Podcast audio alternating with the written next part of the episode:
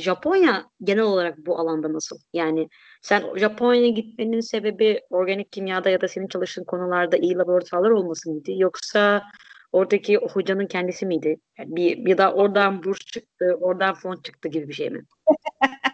Şimdi şöyle söyleyeyim. Yani e, ilk başta ben kendi sebeplerimi sıralayayım. Sonra gerçek sebepleri konuşalım aslında. Şimdi baktığında şöyle şöyle bir durum var. Japonya baktığında her üç yılda bir aslında Nobel ödülü alan bir adam çıkartıyor. Farklı alanlarda fizikte olsun, kimyada olsun, tıpta olsun ya bir şekilde bu adamlar Nobel ödülü alacak çalışmalar çıkartıyor. Hani bakıyor bu yönden baktığında çok da şey değil. E, ne denir ona?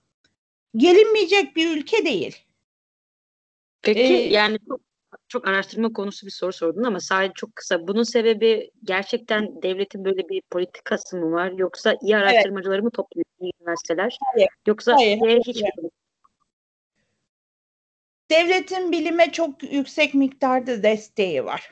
Yani öyle çok iyi araştırmacılar topluyor falan değil. Bunları yapanların hepsi Japon. Yani Amerika'daki gibi toplama bilgisayar gibi araştırmacı alan bir ülke değil.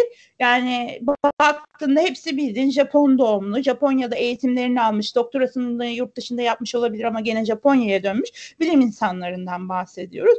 Ve e, desteğini hani şöyle Türkiye'de çok yanlış bazı düşünceler var. Mesela bir temel bilimci gözünden baktığında bizde sanayinin, endüstrinin, teknolojinin mühendislikten yürütülmesi gerektiği gibi bir düşünce var. Ama unuttukları şey temel mühendislik, temel bilim olmadığı zaman ana mühendislik de yürümüyor.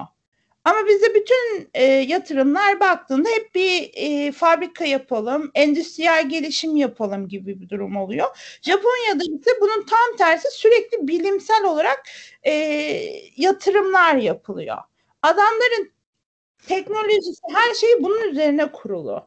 Yoksa ya yani şeyin de çok etkisi var. Bence hani e, öğrenme ve keşfetme merakıyla oluşturulmuş bir akademik sistem ile işte mühendislik eklediğim zaman daha karizmatik bir mesleğim olacak. İşte biyoloji şey ne bileyim fizik fizik mühendisliği. Sanki fizik fizik mühendisliğinden evet. daha düşük mühendislik daha statülü gibi bir algı olursa ilk yerine oradaki o şey bana bakar yani şöyle düşünüyorum. Mühendislikteki keşfetme heyecanı ile kıyaslarsan temel bilimlerde çok daha fazla keşfetme heyecanı var. Yani inanılmaz. Çünkü her şeyin çünkü direkt elini şeye sokuyorsun. Yani direkt o mutfaktaki o ana maddelere sokuyorsun. Ama eğer eğitim sisteminde çok fazla öğrenme merakı, heyecanı, keşfetmek, zamanını buna ayırmak yoksa tek istediğin şey işte bir arabam olsun, iyi bir mesleğim olsunsa ki bizdeki eğitim sistemi Tabii ki yani her zaman için. Ya, yarın bir gün felsefe mühendisi çıksa eminim herkes onu tercih edecek yani. Ee, ya da işte yani, sosyoloji mühendisliği. O konuda haklısın. O zaten kesin bir şey. Yani bunun tartışmasını ben de sürekli yapıyorum. Yani birileri mühendis oldu diye herkesi mühendis yapıyoruz. Çünkü mühendisler daha çok para kazanıyor. Biri doktor oldu, iyi bir hayat tarzına, yaşam tarzına sahip. Yani işte her yıl yurt dışına gidiyor, e, kendine sürekli bir şeyler satın alıyorsa o kişi doktor olmalı. Hani doktor olma yetisi var mı diye bakamıyoruz. Mesela benim karşılaştığım şey sen doktor ol. Niye? Çünkü bütün derslerde başarılısın. Ya ben kan görmeye dayanamayan adamım.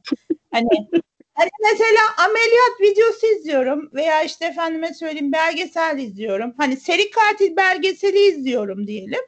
Orada bir e, şiddet uygulanan bir sahne var. Kan çıkıyor. Ben orada irrite oluyorum. Adamlar bana sen doktor ol diyor. Şimdi ben doktor olamam. Yani evet, olmama evet. manası yok. Veya ben mühendis de çünkü şeyi kavrayamıyorum mesela. Ee, şey diyebilirsin yani nasıl olamazsın? Ben bir makinenin çalışma mantığını kavrarken zorlanıyorum. Benim çalışmadığı için değil, beynime oturtamıyorum mesela. Hani fizik de okuyamazdım. Fizik derslerim kötü olduğu için değil, fizik de okuyamazdım. Çünkü bana profesör gelip sürtünmesiz ortama hayal et dediğinde dönüp hocam bana sür, dünya üzerinde sürtünmesiz ortam gösterir misiniz diyen biriydim. Şimdi benim fizik mühendisi de yapamazsın, fizikçi de yapamazsın. Optik zaten anlamıyordum. hani hem bunları ortadayken çıkıp bana birinin deyip ya sen çok iyisin işte fizik dersi iyi fiziği niye anlayamıyorsun demesi kadar saçma bir şey yok yani. Ama sorun bizde böyle bir mantık yok. Herkes işte bak o öğretmen oldu, işini kurdu, evlendi falan filan. Bu Japonya'da yok diye bir şey yok. Japonya'da da var. Hani çoğu kişi e, Japonlar akademide ilerlemek istemiyor ama devletin hani verdiği destekler, işte üniversitelerin eğitim kalitesi, e, efendime söyleyeyim hocaların backgroundları, e, eğitim şekilleri güçlü olduğu için şu anda Japonya bu kadar kuvvetli. Senin yaptığın yatırımın gittiği yere de bağlı. Ee, güzel bir örnek mesela ben çok aşırı farkında değildim Japonya ile ilgili bir durum.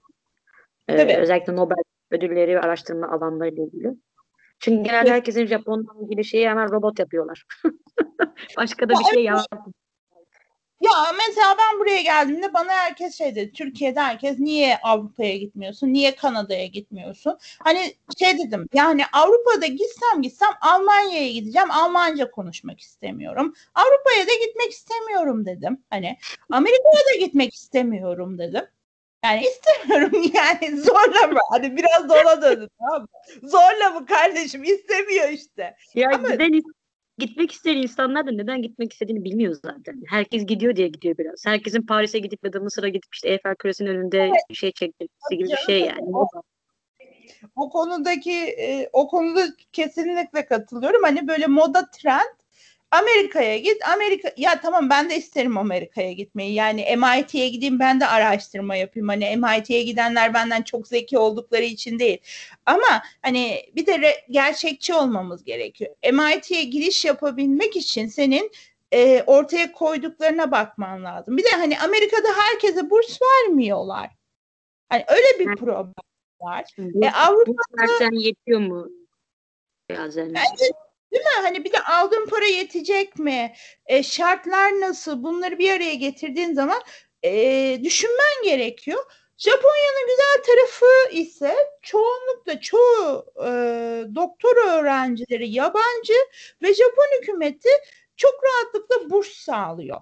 Yani ben e, hani dok, yüksek lisans için söylemiyorum çünkü yüksek lisansta Çinliler e, buraya genelde kendi paralarıyla geliyor. O yüzden hani kendi aile parasıyla okuyanlar olabiliyor ama doktora da burssuz öğrenciyle tanışmadım. Normal zamandaysa eğitim zamanı çünkü doktora burada 3 yıl. 3 e, üç evet. yıl ise ben burssuz öğrenciyle tanışmadım mesela. Peki, peki genelde burslar nasıl oluyor? Yani doktor öğrencisi McDonald's dışında bir yerde yemek yiyebiliyor mu?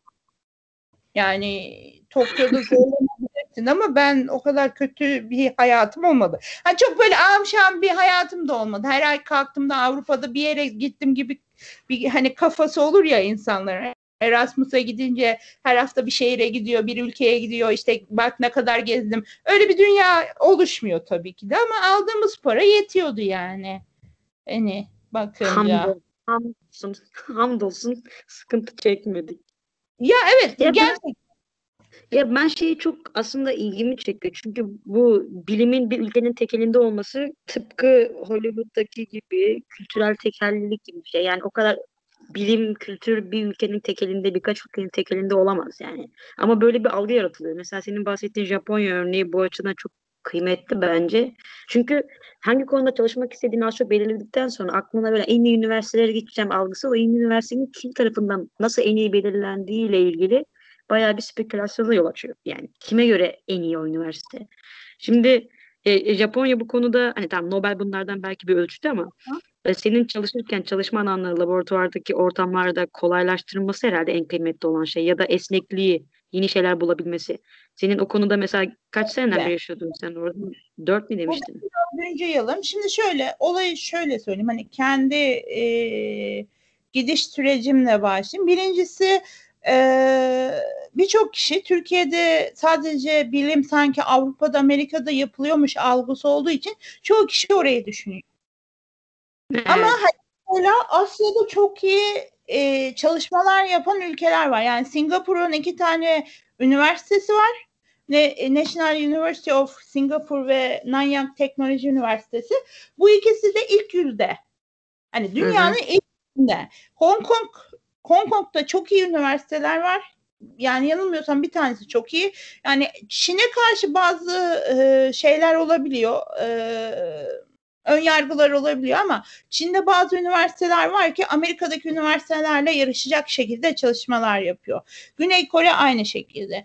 Yani ben bu ilk akademik hayatı araştırmaya başladığım zaman mesela Yeni Zelanda'ya baktım. Şimdi Yeni Zelanda nere? Türkiye nere diyebilirsin? Ki çoğu kişi onu dedi.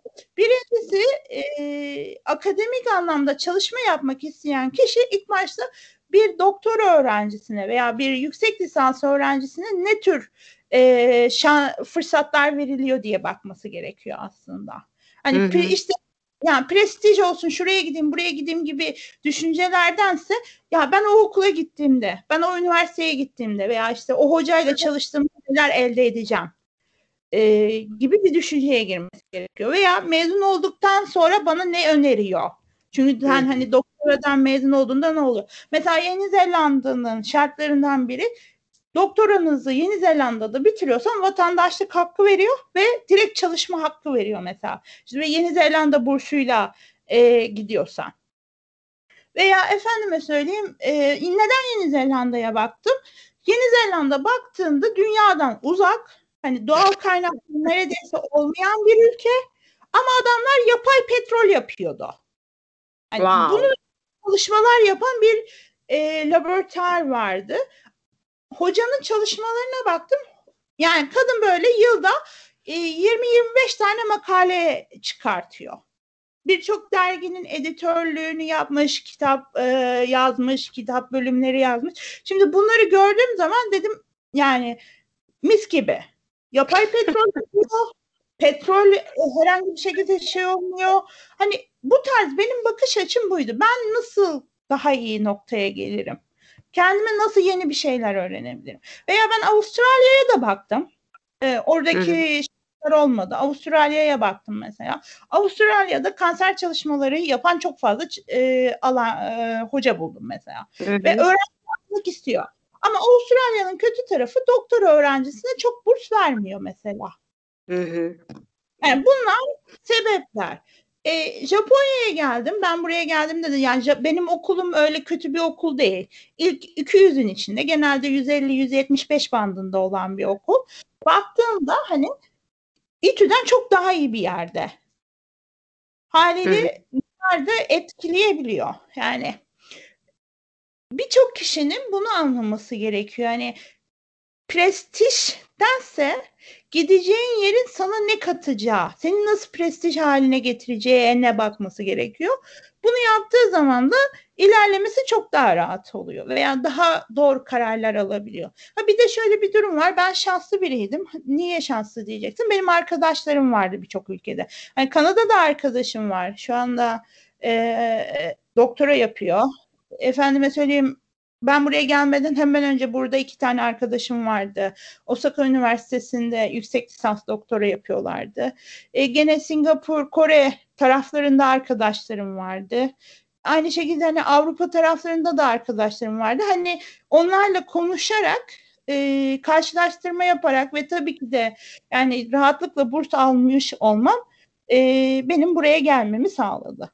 Peki Türkiye'de nasıl ortam? Yani tabii gerçi Türkiye'de kıyaslayamazsın. Elma ile elmayı kıyaslamak lazım. Yani Türkiye'de doktora ortamı ve doktora sonrası ortam nasıl bilmiyorum ama en azından şu an o, orada akademisyen olan insanlarla özellikle, özellikle senin alanında kıyaslayabilirsin ya da lisans eğitimini şu anki senin lisans öğrencilerinle kıyaslayabilirsin belki.